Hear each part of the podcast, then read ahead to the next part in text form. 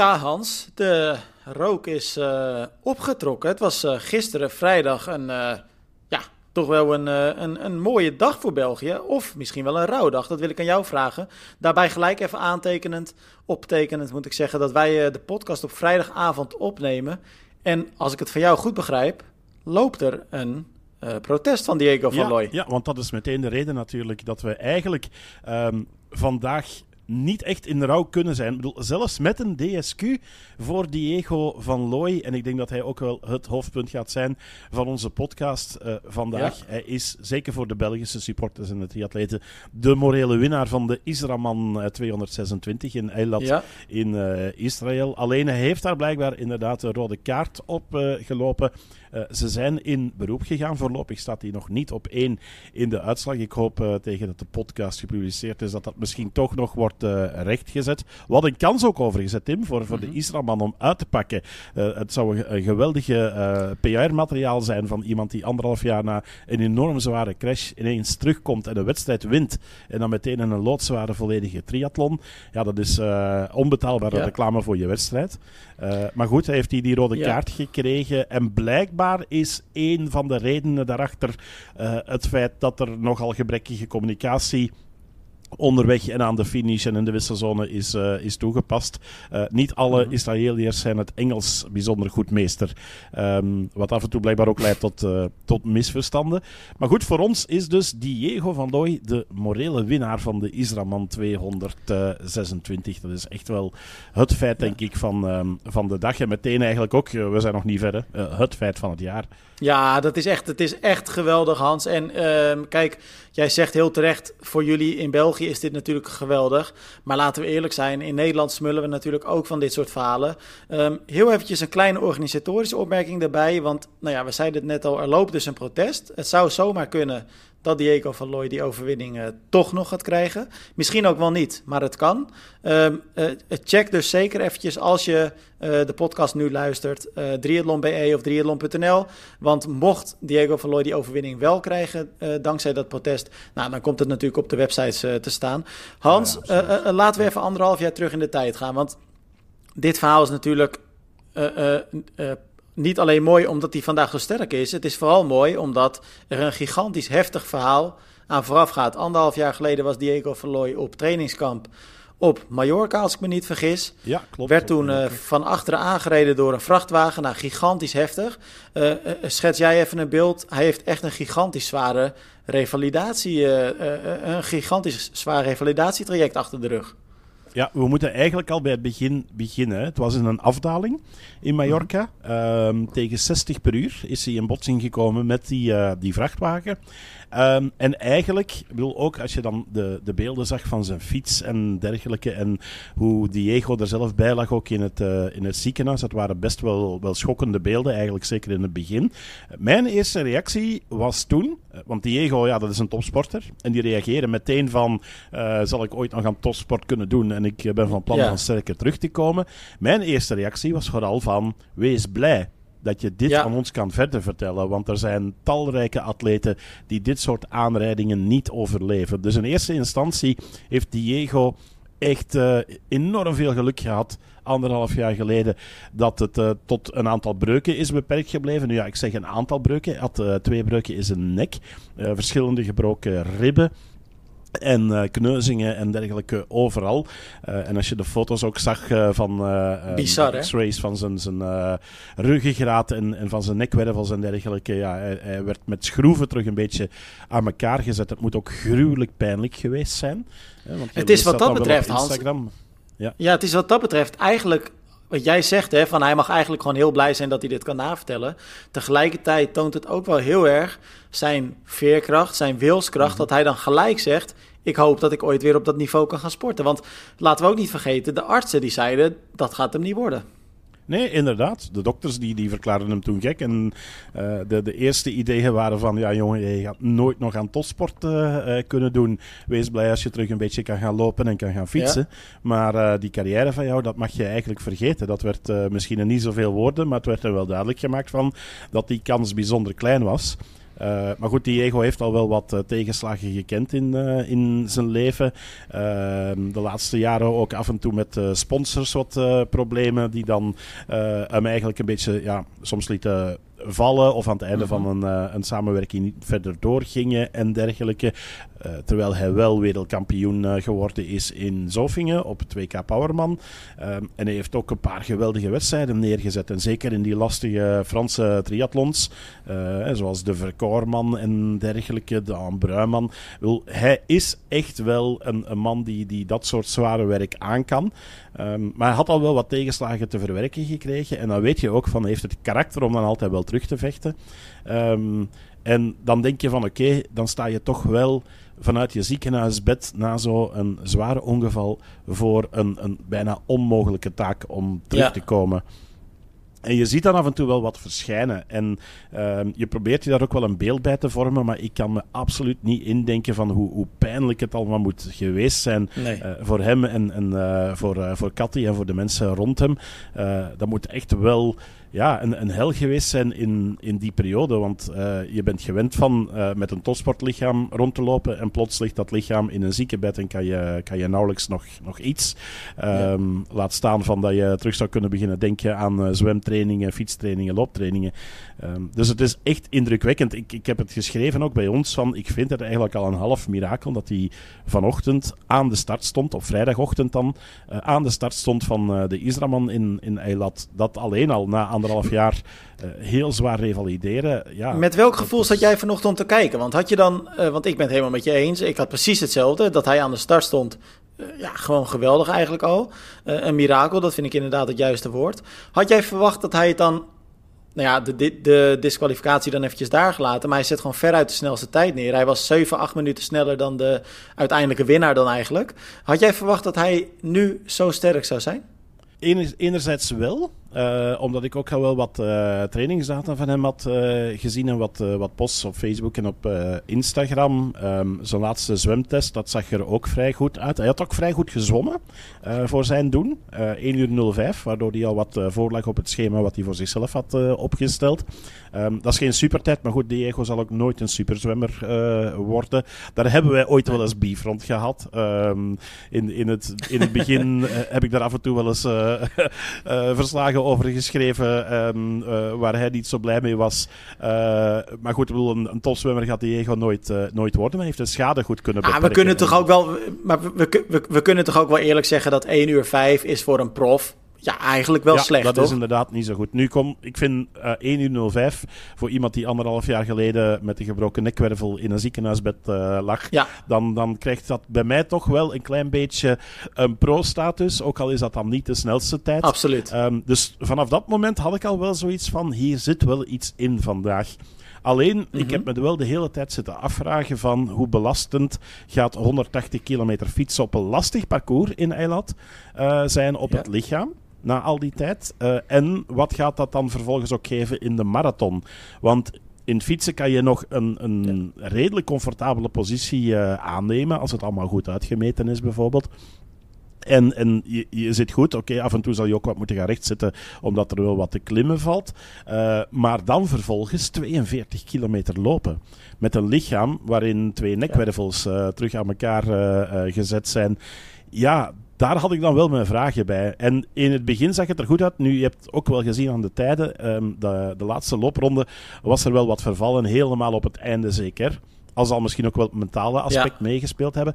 Um, maar ik, ik had wel een gevoel van, ik dacht, ja, hij gaat het wel doen. Ik, ik had echt zoiets van... En toch liep die twee... twee 2,56 Hans, dat is echt wel serieus ja, hard toch hoor. Maar hij liep op een gegeven moment echt op een, een tempo dat hij onder de 2,50 ja. ging lopen. Dat hij, ik denk, ergens rond de 2,45 ja. zou, uh, zou uitkomen. Um, dus ik, ik, ik vond dat wel uh, enorm uh, mooi om, om, om te zien van, van die dosis van, qua karakter. ja, het is, het is onvoorstelbaar. En ik zei, ik had wel een gevoel op een gegeven moment van ja, hij gaat het hem doen. Hij, hij gaat zich door niemand aan de kant laten zetten um, en, en zeker al niet door zichzelf. dus hij gaat hem wel uitdoen. Nu, ik wist op dat moment ook nog niet van de rode kaart. Dat werd dan ergens, denk ik, halverwege de marathon duidelijk. Kwamen er berichten ook uh, op de Facebookpagina uh, van zijn partner Cathy, die uh, het erover had van ja, hij heeft een rode kaart, maar we weten niet waarom. achteraf heeft ze daar een zeer duidelijke uitleg over gegeven. Daar moeten we het ook zo even over, over hebben. Maar hij is gelukkig wel dus mogen doorlopen.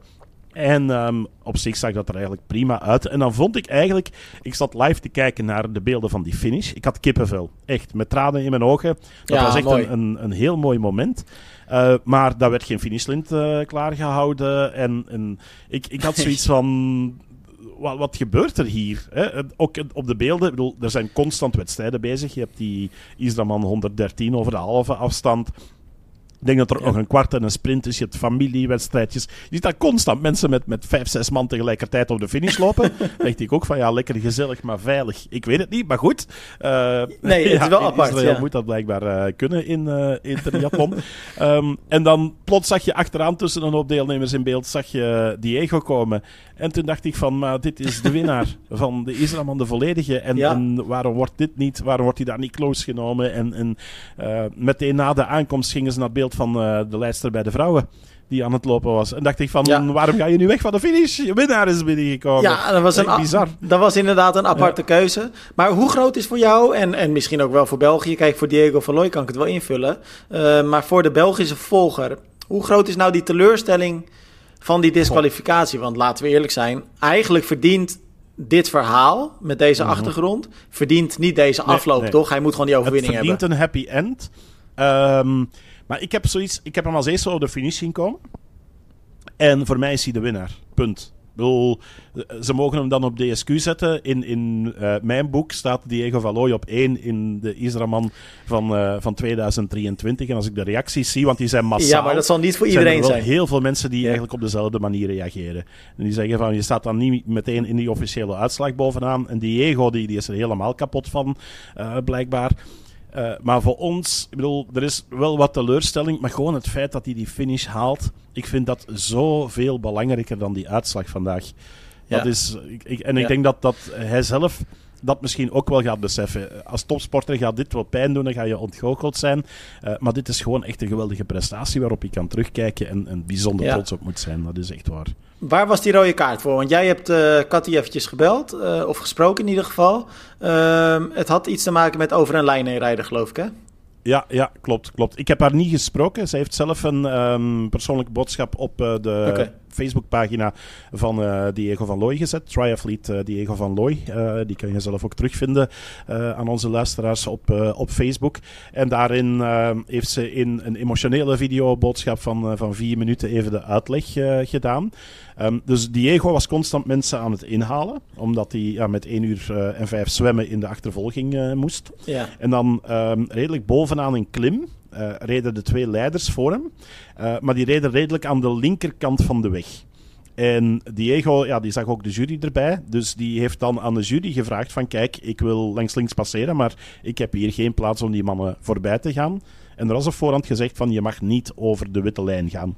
Um, dat is vaak zo in Frankrijk ook, in wedstrijden waar het parcours niet volledig verkeersvrij is. Dan ben je verplicht op de rechtse uh, rijhelft te komen. Uh, kom je 10 centimeter voorbij de witte lijn, de scheidingslijn in het midden van de weg, dan wordt dat een uh, DSQ, want je moest maar eens op een tegenligger uh, botsen. Mm -hmm. Nu, van tegenliggers was absoluut geen sprake, denk ik, in dit geval. Um, maar Diego die moest een klein beetje uitwijken. Ook uh, gaf ik aan dat er veel wind stond uh, bovenop die, uh, die klim. Dus als je die zijdelingse beweging maakt om voorbij te gaan, je krijgt nog even wat wind mee en je gaat dan op de witte lijn of daar net over. Um, ja, dat zou dan het moment geweest zijn dat de jury heeft ingegrepen en in plaats van een verwittiging meteen een rode kaart heeft getoond. Natuurlijk ja. ook nog eens aan een Belg in een Israëlische wedstrijd, waar dan een Israëliër op dat moment mee aan de leiding lag. Ja. Um, dus ja, dan uh, begin je natuurlijk ook wel te denken van hoe terecht is dat? En ja, regel is regel. Als je over de witte lijn gaat, op zich mag het niet. Maar blijkbaar heeft hij dus wel proberen te communiceren met, met die jury. Ehm, maar is het Engels bij een aantal Israëliërs daar in de wedstrijd redelijk, redelijk beperkt. Of toch niet helemaal top dat ze elkaar helemaal goed, goed verstaan. Ehm, en dan is hij dus wel binnengekomen op, op de fiets na 180 kilometer in de wisselzone. Ehm, en daar vertelden ze hem van, wij hebben niet jouw nummer doorgekregen als zijn de DSQ, dus je mag gewoon beginnen aan de marathon. Maar we moeten natuurlijk wel uitkijken dat we ehm, eh, niet nu vanzelfsprekend zeggen dat Diego helemaal in zijn gelijk staat. Het is natuurlijk ook zo dat atleten dit soort situaties altijd een beetje in hun eigen voordeel uh, uitleggen. Uh, kijk, wij zijn er niet bij geweest, dus het is lastig. Wat ik, wel, mhm. wat ik wel heftig vind, want ik heb nu het bericht ook van Diego eventjes voor me staan. En hij eindigt met... Als ik niet in mijn recht word gezet en als winnaar word uitgeroepen, dan zal dit officieel mijn allerlaatste wedstrijd in de triathlonsport zijn. Genoeg is genoeg. Dus hij is echt wel pissig en hij zegt eigenlijk, nou ja, als ik dus niet nu eh, de winnaar uh, word, dan stop ik gewoon met de sport. Ja, ja, dat is wel heel heftig. Dat is, dat is heftig, hè? Ja, ik snap wel hoor, die teleurstelling moet nu bijzonder groot zijn uh, bij hem en, en ja. de, de ontgoocheling. Ik denk dat hij dat wel een paar dagen moet geven, want hij heeft vandaag weer laten zien dat hij het absoluut aan kan. Um, Dat hij een, een, geweldige comeback maakt. En, en dit is een inspirerend verhaal, denk ik, voor heel veel mensen. En daar moet hij op teren. En niet op, op een beslissing van een jury of het foutje wat hij zou gemaakt hebben. Uh, want we moeten daar eerlijk in zijn. Als hij in de fout uh, gaat en er volgt een, een straf. Um, ik weet niet of dat op voorhand ook zo doorgegeven is. Van dat over de witte lijn gaan meteen rechtstreekse disqualificatie is. Lijkt mij ook een beetje sterk. Um, maar goed, als je ook in een wisselzone komt en er is geen penalty voorzien. en je neemt dan geen penalty en begint aan je, aan je marathon. Alles bij elkaar denk ik ook van, ja, weet je. Ik, ik, denk dat wij met z'n allen en, en Diego ook moeten gaan onthouden van dat dit een fenomenele fenomenale prestatie was na al die, uh, uh, die pech die hij heeft uh, gehad en, en, die lange revalidatie. En ik snap wel dat hij het vandaag um, ook nog even lastig zal hebben, omdat hij dan vrijdag in de Israman ja, op een DSQ stoot. Um, uiteindelijk denk je dat heel veel mensen iets gaan hebben van Diego, je, je bent en je blijft een, een winnaar. Dus ik hoop dat hij daar zeker twee keer gaat over nadenken. Helemaal eens. Het was echt een, een grandioze prestatie, grandioze dag. En, en ja, jij zei net ook al, hij heeft me kippenvel bezorgd. Nou, dat geldt ook voor mij. En ik denk dat dat voor duizenden uh, uh, triathlonvolgers ja, uh, geldt. Als ik zie hoeveel reacties dat er op de, de post van ons op triathlon.be komt, en we gaan er zeker ook nog wat aandacht aan besteden over de reden van de DSQ en, en de gevolgen daar, daarvan. maar dan, dan zie je ook van dat het echt enorm heeft geleefd bij heel veel mensen die hem ja. uh, volgen, die, die er vertrouwen in, in hadden van dat dit ging, uh, ging goed komen. En die nu allemaal ja, zoiets hebben van dit is gewoon helemaal geweldig gedaan. Dus uh, ja, absoluut. Nou, ook nog Nederlands succes. Dirk Wijnalda is ja. natuurlijk een echte routinier, is niet de jongste. Mm -hmm. zeg ik met alle respect. Heeft echt heel veel ervaring op de long distance. werd ook een paar keer Nederlands kampioen natuurlijk. hij werd derde, dus dat is echt wel heel erg goed. Wat me wel opviel, Hans, er waren best wel weinig profs aan de start. Ja, ik denk dat die wedstrijd ook nog wat te vroeg valt in te het jaar vroeg, voor ja. veel pro's. Uh, om dan in januari al te pieken naar een, uh, naar een volledige. Um, en ook nog eens, het is een pittig parcours hoor. Dat valt niet te onderschatten. En hij heeft ja. geen label natuurlijk. Hè. Dat gaat denk ik ook bij veel uh, uh, pro's schelen. Van het is geen challenge race, het is geen Ironman race, het is geen PTO race. Het is gewoon de Israman. Um, en je moet dan al helemaal naar Israël gaan, uh, gaan trekken. Dus het, het is niet de meest voor de hand liggende bestemming. Langs de andere kant hebben we daar in het verleden al wel mooie prestaties gezien. Hè. Ik herinner me nog Bart Kandel die daar heeft gewonnen. Ja? 2016 denk ik uit mijn hoofd. Uh, dus de wedstrijd ligt de Nederlanders daar, uh, daar wel. Um, maar goed, ja, ik zeg altijd de afwezigen hebben, hebben ongelijk en degenen die er zijn. Langs de andere kant, je zal zien dat Peter Vabrushek tweede wordt. Ja, ja. ja, ja. Is in Almere natuurlijk ook een hele bekende. Heeft ook in Almere vaak geraced. Als ik het goed zeg, zelfs gewonnen ook in Almere. Um, jij zegt die Israman, hè, dat is geen challenge race, geen, uh, geen Ironman. Nou, logisch. Dat is, uh, geldt ook voor de Norsman. Maar die krijgen toch ook een grote naam aan de start? Want niemand ja. minder dan Sebastian Kienle gaat erheen. Ja. Dat is wel ja. vet, hè? Ja, die, die vind ik wel leuk. Hij, hij is echt een, een eh, goodbye tour, een afscheidstour, Ja. aan het organiseren met nog een paar bucketlist eh racen. En, en ik ben zeer benieuwd, want ehm, die, die wedstrijd wordt altijd wel gekleurd door de plaatselijke vedetten, die Ja. natuurlijk ehm, die, die vast dat top het eh, daar eh, kennen. En die, die wel gewend zijn ook om te trainen in dat soort omstandigheden en op dat soort parcours. Eh, in het verleden hebben we nog wel goede triatleten daar gezien die, die dan lastig hebben om in die top 10 te geraken. Laat staan dat ze al de finish kunnen, kunnen bereiken. Dus ik ben, Ja. ben zeer benieuwd. Ik geloof er wel in dat eh Sebi er alles aan gaat doen om die, eh, die finish te halen. Ik denk wel dat hij het zou kunnen. Ja. En zeker als je weet van dit wordt mijn, mijn afscheidstournee. Dus Ja, en hij heeft de wens uitgesproken. Niet alleen de finish te halen. Hij heeft ook gezegd, ik ga voor de winst. Ehm, Hij zegt tegelijkertijd, ik ben best een beetje bang voor die wedstrijd. Nou, dat is logisch. Het is natuurlijk een krankzinnig zware wedstrijd. Vaak zware weersomstandigheden ook. Eh, de beklimming aan het eind van, ik geloof, een kilometer of twintig. Ehm, maar hij zegt, ik ga hem gewoon winnen. En als je, als je dromen niet groot genoeg zijn, ja, dan eh, hoef je zo niet te dromen. Dus eh, nou ja, kan wel eens heel spannend worden. Maar we gaan het zien straks in het eerste weekend van augustus uit mijn hoofd. Ja, Hans, ja. volgens mij, volgens mij Zou, hebben wij zou, ook... zou hij eh, een, een ehm, startplaats gekregen hebben? ik, ik denk het. Ja, want dat is ook nog altijd het moeilijke. Hè? Je moet uitgelot worden voor, eh, voor die Noorseman. De plaatsen zijn, eh, zijn beperkt. Ja. Dus, dus op zich, ik, ik neem aan dat hij wel een startplaatsje zal gekregen. Op, op zich ook wel terecht. Hè? Ik bedoel, Ja. van, van dat kaliber. Maar ik kan misschien eens gaan horen bij zijn vrienden Christian Bloemenveld en Gustav Iden hoe het is. Hè? Want ik weet niet of je dat nog herinnert, maar in augustus eh, dit jaar ehm, was de broer van Iden vijfde in eh, de Noorseman. Oké, Dus dat wist ik Iden, niet. Die, eh, die Gustav en Christian traint. Die heeft Ja. zelf meegedaan aan, aan de Norsman. Ah. Ehm, en die werd vijfde in, ja, ik denk een goede tien uur of zoiets. Oké, Dus op zich nog, wel, nog wel mooi. ja, nou tof. Ik zat vorige week nog met Iden en Bloemenveld aan het diner. hè.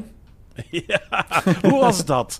Vertel het ons. want we moeten hebben daar- een verslag uitgebracht op triathlon.be van eh, dit zijn ze. En eh, er zitten er wel een paar rare winnaars eh, in. en ik zag dat een dagje later bij jou ook het, het verslagje van de avond verschijnen. Van dat het iets minder feestelijk was dan wat wij van de zijlijn dachten. Ja, want wij hadden natuurlijk vorige week de podcast met elkaar opgenomen toen ik in Nice zat. Toen had ik nog een paar uur te gaan voordat nou ja, dat gala plaats zou vinden. En we spraken toen allebei eigenlijk de verwachting uit van... dat gaat een supergroot feest worden en dat zal best wel tot in de late uurtjes doorgaan. Maar eigenlijk, Hans, bleek niets minder waar. En eh, nou ja, wat je zegt, ik heb het ook opgeschreven in het verslag. Het was, nou ja, kijk, we hoeven niet de discussie te voeren over de nominaties. We hebben vorige week ook gezegd dat er best wel wat opmerkelijke namen tussen zaten.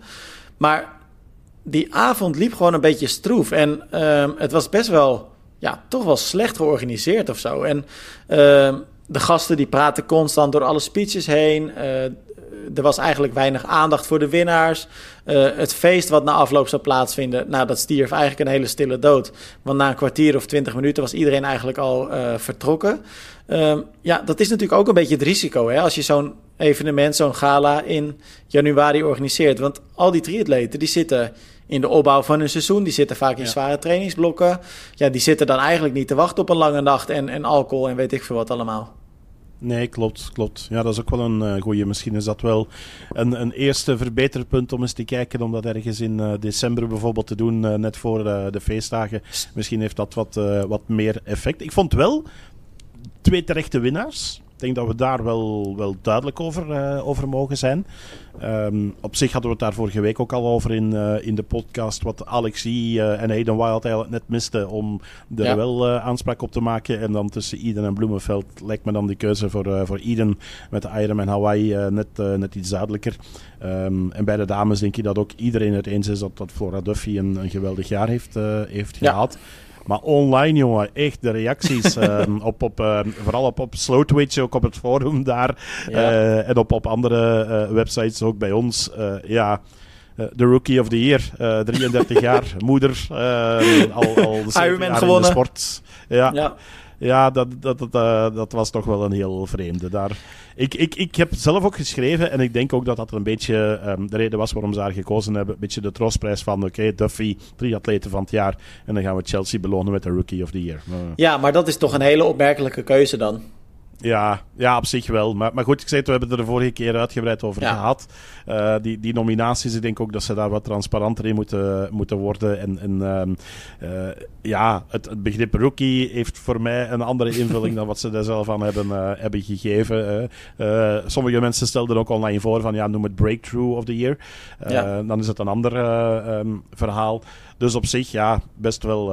Best wel mooi. Ik, ik vond overigens jammer een beetje dat de, de, de zijpodia eh, wat minder aandacht kregen. Want dan denk ik van, ja, als je Bob Babbitt bijvoorbeeld een, een eh, Lifetime Achievement Award geeft, ja, dat, dat vind ik ook wel een mooie. Het is ook een mooi. Maar figuur. eh. Maar dat was ook gewoon zo apart. Want ehm, je had allerlei categorieën. Nou, je zegt het al, Bob Babbitt. Maar er waren ook allerlei merken die dan ehm, eh, prijzen kregen voor bijvoorbeeld beste loopproduct, beste fietsproduct, beste zwemproduct. nou ja, noem maar op.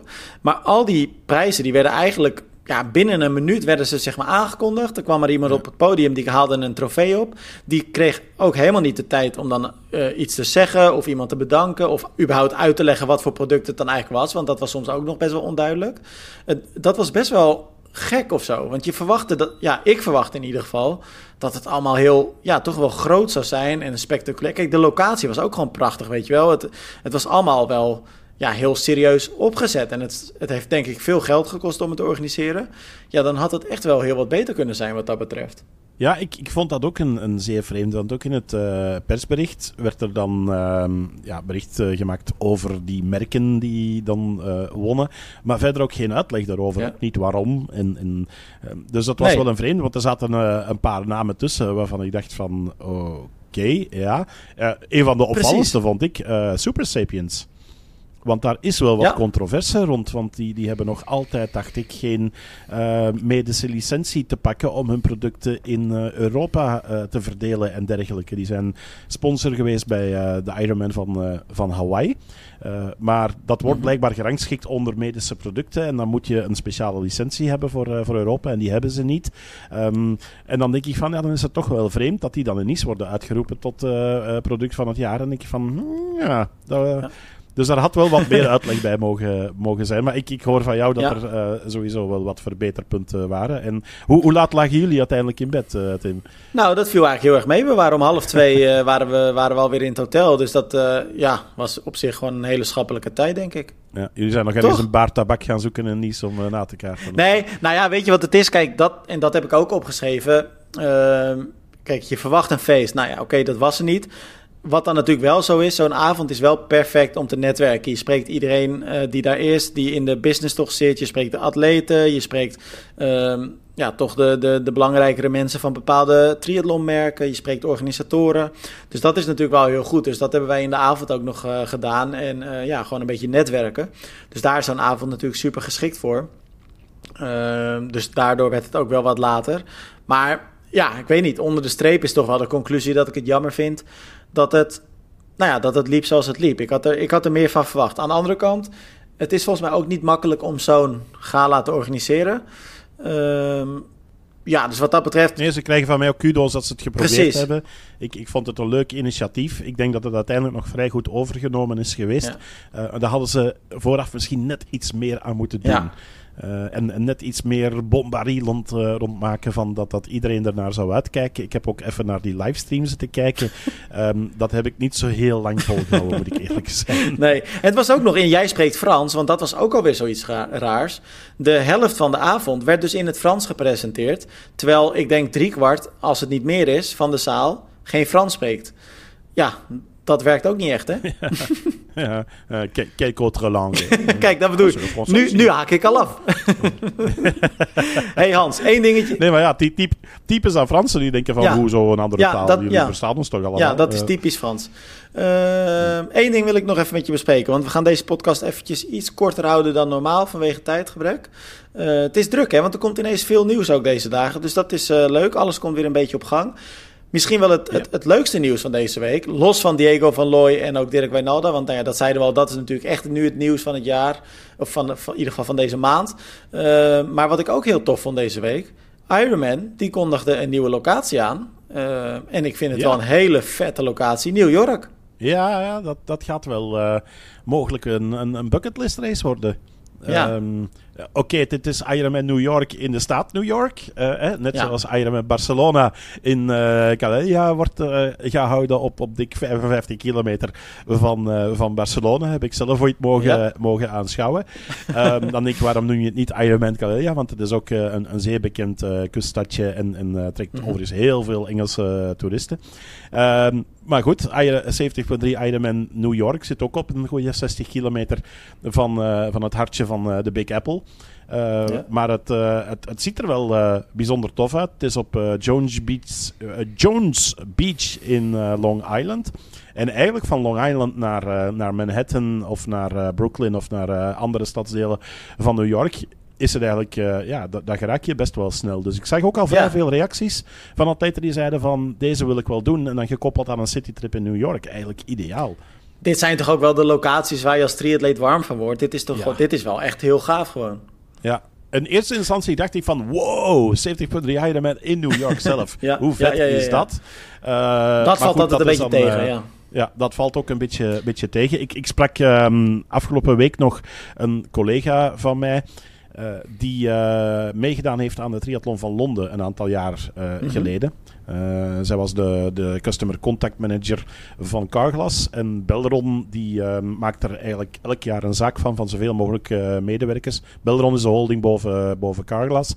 En wereldwijd en zeker in Europa maken ze heel veel medewerkers warm om in Londen aan de triathlon mee te doen. Mm -hmm. En dat is ook gigantisch, die wedstrijd. Hè. Die, die wisselzone is in, in zo'n grote expohal binnen, waar dan 15.000 fietsen bij elkaar staan. Alleen jammer, de pro's die racen in het centrum van Londen. Maar in de Londen Triathlon voor de agegroepers, dan houden ze een beetje links aan en gaan ze langs de Thames een beetje het industriegebied in. Ah, omdat ja. ze natuurlijk ja, niet een hele dag lang uh, het verkeer kunnen lamleggen in Londen. Dus um, het, ik vind hem ook een klein beetje een bucketlist race. Ik zou hem eigenlijk ook graag ooit eens willen doen, die uh, London Triathlon. Uh, ja. Maar dan vind ik het toch weer een klein beetje jammer dat je dan in, in de sfeer van de docks wordt geduwd in de industrie en niet echt in hartje Londen kan, kan racen.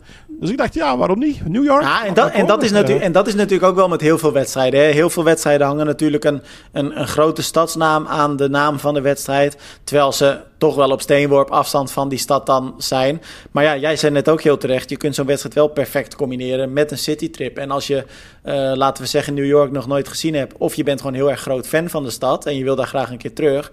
Ja, dan is het wel heel erg vet. In ieder geval vind ik. Als je dat kan combineren met een wedstrijddeelname. En ook al is het dan op 50, 60 kilometer afstand. Uh, je krijgt wel de beleving van die stad. En ja, ja, absoluut. Ja, dat is ja. wel cool. Ja. Dus dat was, uh, dat was een mooie. Dus wie weet kan onze nieuwe bondscoach uh, een uh, aantal atleten richting New York. Ik weet niet of het een pro-race gaat worden. Of is er, dat, dat was me nog niet helemaal duidelijk daar, daar in New York. Of dat er ook pro's gaat meedoen. Nee. Maar ook dat vond ik groot nieuws deze week. Ja. Um, al was het weer op zijn Belgian Triathlons. weinig transparant de procedure die eraan vooraf gegaan is. En ik had in de wandelgangen al gehoord wie het ging worden. heel leuke reacties ook op het feit van dat voor degene die het nog niet weten, uh, Tine Dekkers, onze nieuwe bondscoach, wordt voor de Olympische afstand uh, en voor de Belgian Hammers. Ja. Veel mensen zeggen ook een terechte keuze. Um, en ik denk dat dat wel een goeie is. Ik bedoel, ik vind het mooi dat ex, ex-pro's nog een rol krijgen in, in coaching en, en um, begeleiding van, van atleten. Ja. Dus op zich is dat wel een mooie dat Tine onze Belgian Hammers gaat begeleiden richting Parijs. Uh, en ik denk dat zij er ook wel een goede job in gaat doen. Het is wel een beetje een vreemde, want het is een halftijdse job. En het is ja. meer een beetje de logistiek en, en het mentaal begeleiden van de atleten. Omdat ja, ieder heeft zowat zijn eigen trainers. Dus niet, niet echt als een bondscoach in het voetbal. Daar mag je het helemaal niet, uh, niet mee vergelijken. Zij gaat er een beetje tussen zitten, hè? Ja, ja, klopt, inderdaad. Dus het is meer een beetje degene die ervoor zorgt dat alle faciliteiten rond de atleten in orde zijn. Ja. En, maar het is uh, mooi, want er komt in ieder geval een hele brok ervaring uh, met haar binnen de bond. Dus ja. dat is tof. Ik zag dat berichtje voorbij komen en dat triggerde mij eigenlijk. Want toen dacht ik, wie is nou eigenlijk de Nederlandse bondscoach voor onze Um, Olympische selectie. Want wij hebben natuurlijk vorig jaar heel veel gedoe gehad met de bond. Waarbij uh, uh, de directeur, de technisch directeur en een aantal coaches weggestuurd zijn. of zelf zijn opgestapt omdat de druk gewoon te groot werd. best wel wat misstanden. Um, ook Louis de La Haye ging toen weg, de, de coach eigenlijk van het, van ja. het team. Um, En toen dacht ik ineens, maar wie is het nu in Nederland? En uh, heb ik een beetje rondgevraagd bij wat atleten. Nou, die wisten het dus eigenlijk opvallend genoeg ook niet. Uh, toen heb ik die vraag eens uitgezet bij de NTB, de Nederlandse Triathlonbond. Dat heb ik uh, afgelopen woensdag al gedaan. En uh, vandaag ook nog een reminder gestuurd. Geen reactie. Dus ik ben wel heel erg benieuwd. Dus daar komen we volgende week ongetwijfeld nog eens op terug. Ook in ieder geval op onze website. Ja. Um, maar ik ben wel benieuwd hoe dat zit bij ons in Nederland. Ja, ja dat wordt wel een klein beetje tijd om, uh, om ja. iemand aan te stellen. Uh, wij hebben hier ad interim eigenlijk uh, Glenn gehad. -huh. Maar um, de nieuwe topsportdirecteur in Vlaanderen, uh, want ik moet wel zeggen, in, in Vlaanderen, Triathlon Vlaanderen, doet het uitstekend. Um, daar hebben ze sinds 2019, geloof ik, een, uh, een nieuw bestuur. Daar zit heel veel dynamiek in. Daar wordt heel veel voor de sport en voor de atleten gedaan. Belgian. Triathlon, daar zit op dit moment overigens de voorzitter, die in Vlaanderen is moeten opstappen. Um, die heeft uiteindelijk de eer aan zichzelf gehouden, heeft aan ontslag genomen na een turbulente algemene ledenvergadering waar ik, uh, waar ik bij was. Um, en waar zowat de drie vierde van de aanwezigen zich tegen hem keerde, heeft nadien gezegd van ik neem ontslag. Uh, om okay. dan vervolgens nog geen half jaar later hetzelfde kunstje te gaan doen, maar dan op uh, Belgisch niveau bij Belgian ja. Triathlon. En dat gaf ook aan een beetje van ja, de hele procedure rond uh, uh, het, het, selecteren van een nieuwe bondscoach. Um, er werd duidelijk gemaakt onder, want daar hebben wij altijd mee te maken, Waalse en Vlaamse uh, liga. Um, iedereen was er eigenlijk wel van overtuigd van een bondscoach moet gewoon onder um, Belgisch zeggenschap komen en niet van de Vlaamse of de Waalse liga komen. Dus dat is nu, ja. het, uh, nu het geval. Um, dus dat is af en toe ook wel een uh, bijzonder lastige aan, uh, aan onze kant. Um, dus op, op dat vlak denk ik dat het wel, wel goed is. Maar de nieuwe topsportdirecteur, uh, Tim Moriot, die had... Uh, voorgesteld. Leuke naam. En daar een regel van... Uh, ja, ja, het scheelt één... lijkt, lijkt er wel op. Met jou. Ja, ja. Af, af, en toe zijn er ook mensen die tegen hem komen klagen van... Wat heb je nu weer over mij geschreven, Tim Nee hoor, dat valt nogal mee. Um, maar die heeft wel bepaald van dat iemand in een bondscoachfunctie... Uh, geen individuele atleten of bijvoorbeeld concurrenten kan trainen. Want ja, okay. veel triathlontrainers hebben een, uh, een, een, grote triathlongroep um, onder zich. Dus Glenn is wel een tijdje ad interim geweest. Maar goed, hij is de trainer van Marten Varil. Um, ook van, geloof ik, Jonas Schoenberg. Um, dus ja, hij kwam sowieso niet uh, in aanmerking. Ik denk overigens dat Glenn ook een uh, topper zou geweest zijn als, uh, als bondscoach. Maar ik vond dat wel een zeer goeie. Dat je zegt van oké, okay, ja. wij gaan alle schijn van um, vriendjespolitiek en dergelijke eruit halen. Train jij een atleet individueel, kan je geen bondscoach worden. Dus dat ja. vond ik wel een goeie. Maar tot die tijd was er wel met Glenn iemand aanwezig die dan mee was naar wedstrijden. En die alles een beetje ook mee, mee regelde. Dus ik hoop dat Nederland daar een, een, een mooi voorbeeld aan neemt. Ja. Alleen snap ik af en toe wel, Tim Moria, dat uh, de NTB wat trager reageert op jou. Want vriendjes gaan jullie nooit meer worden, vrees ik. Nou, dat denk, ik denk dat dat heel erg meevalt. Ik heb best goed contact ja. met ze hoor. Want uh, we hebben natuurlijk afgelopen, uh, wanneer zal het zijn geweest, twee maanden terug, toen de, directeur, de nieuwe directeur Torwald Venenberg werd aangesteld. Hebben we, als zeg ik het zelf, super mooi interview met hem gehouden. Ik heb toen echt anderhalf uur of een uur, anderhalf uur met hem gesproken. Mooi verhaal over geschreven. En eigenlijk alle plooien glad gestreken. En uh, zoals ik ook al vaak in de podcast heb gezegd, wij hebben geen enkele rancune tegen de Nederlands Triathlonbond. Mm -hmm. Het vervelende is, wij hebben natuurlijk de misstanden die vorig jaar bij de bond speelden, hebben aangekaart. Uh, en dat, ja, dat is ons niet in dank afgenomen.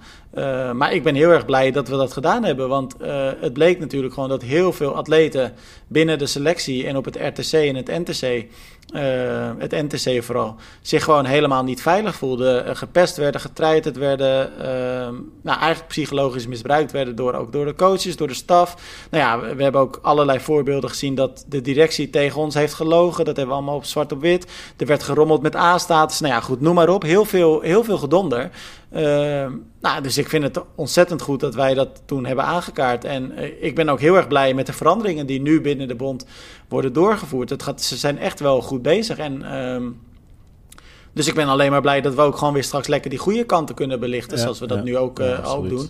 Dus nee hoor, ik ben, ik ben helemaal niet bang dat wij niet door één deur kunnen met elkaar. Nee, nee, nee, nee. Ik, ik grapte er ook uh, wel wat mee. Ik ben wel blij dat wij aan de kant zitten waar we vol passie uh, met onze sport kunnen bezig zijn en erover kunnen verslag uitbrengen. En dat we gelukkig niet deel uitmaken van een bond of dergelijke, waar soms ook wel andere belangen spelen. Dus ik, ik zeg, ik vind dat het bij ons zeer goed gaat tegenwoordig in, in Vlaanderen. Ik hoop dat het in Nederland ook de komende tijd de goede kant op gaan. Ik zag overigens dat leuke nieuws overigens dat Arma van der Smissen en collega's het, het NK Duathlon op zich gaan nemen. Heel tof. Van, ja, dat is een mooie.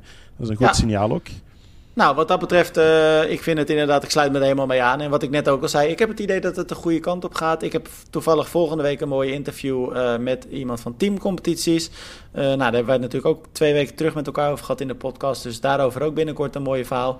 En laat, laten we het zo zeggen, Hans, wij bespreken volgende week gewoon weer de nieuwste ontwikkelingen met elkaar, toch? Absoluut. We zien, elkaar, uh, we zien elkaar dan terug en dan uh, tot, uh, tot volgende zaterdag. We zaten overigens in het maandoverzicht van de Jogclub podcast. Seppe en Bobby die het over ons hadden van mooi initiatief. Dat, oh, dat, dat ik me zou ingekocht hebben bij triathlon.nl. Bobby, als je dit hoort, nee hoor. wij worden ja, ja, ja. van alle twee voor betaald. Dat zouden zij even goed moeten, moeten weten. maar ik ga zo mijn geld tellen hoor. hij, hij, is heel blij dat we hem op zaterdag publiceren. Want dan heb je door de week alle andere podcasts gehad. En dan heb je zaterdag uh, het triathlon nieuws. Dus ik zou voorstellen, laten we ja, hem uh, maar effectief... dan heb ik wel slecht nieuws. ja, maar dan heb, ik wel, heb ik wel slecht nieuws. Want als het straks uh, drukker wordt met de wedstrijden in het weekend, ja, dan zullen wij toch weer teruggaan, ook naar door de weeks. Uh, maar goed, dat is nu nog niet aan de orde, dus laten we dat nog eventjes bewaren, toch?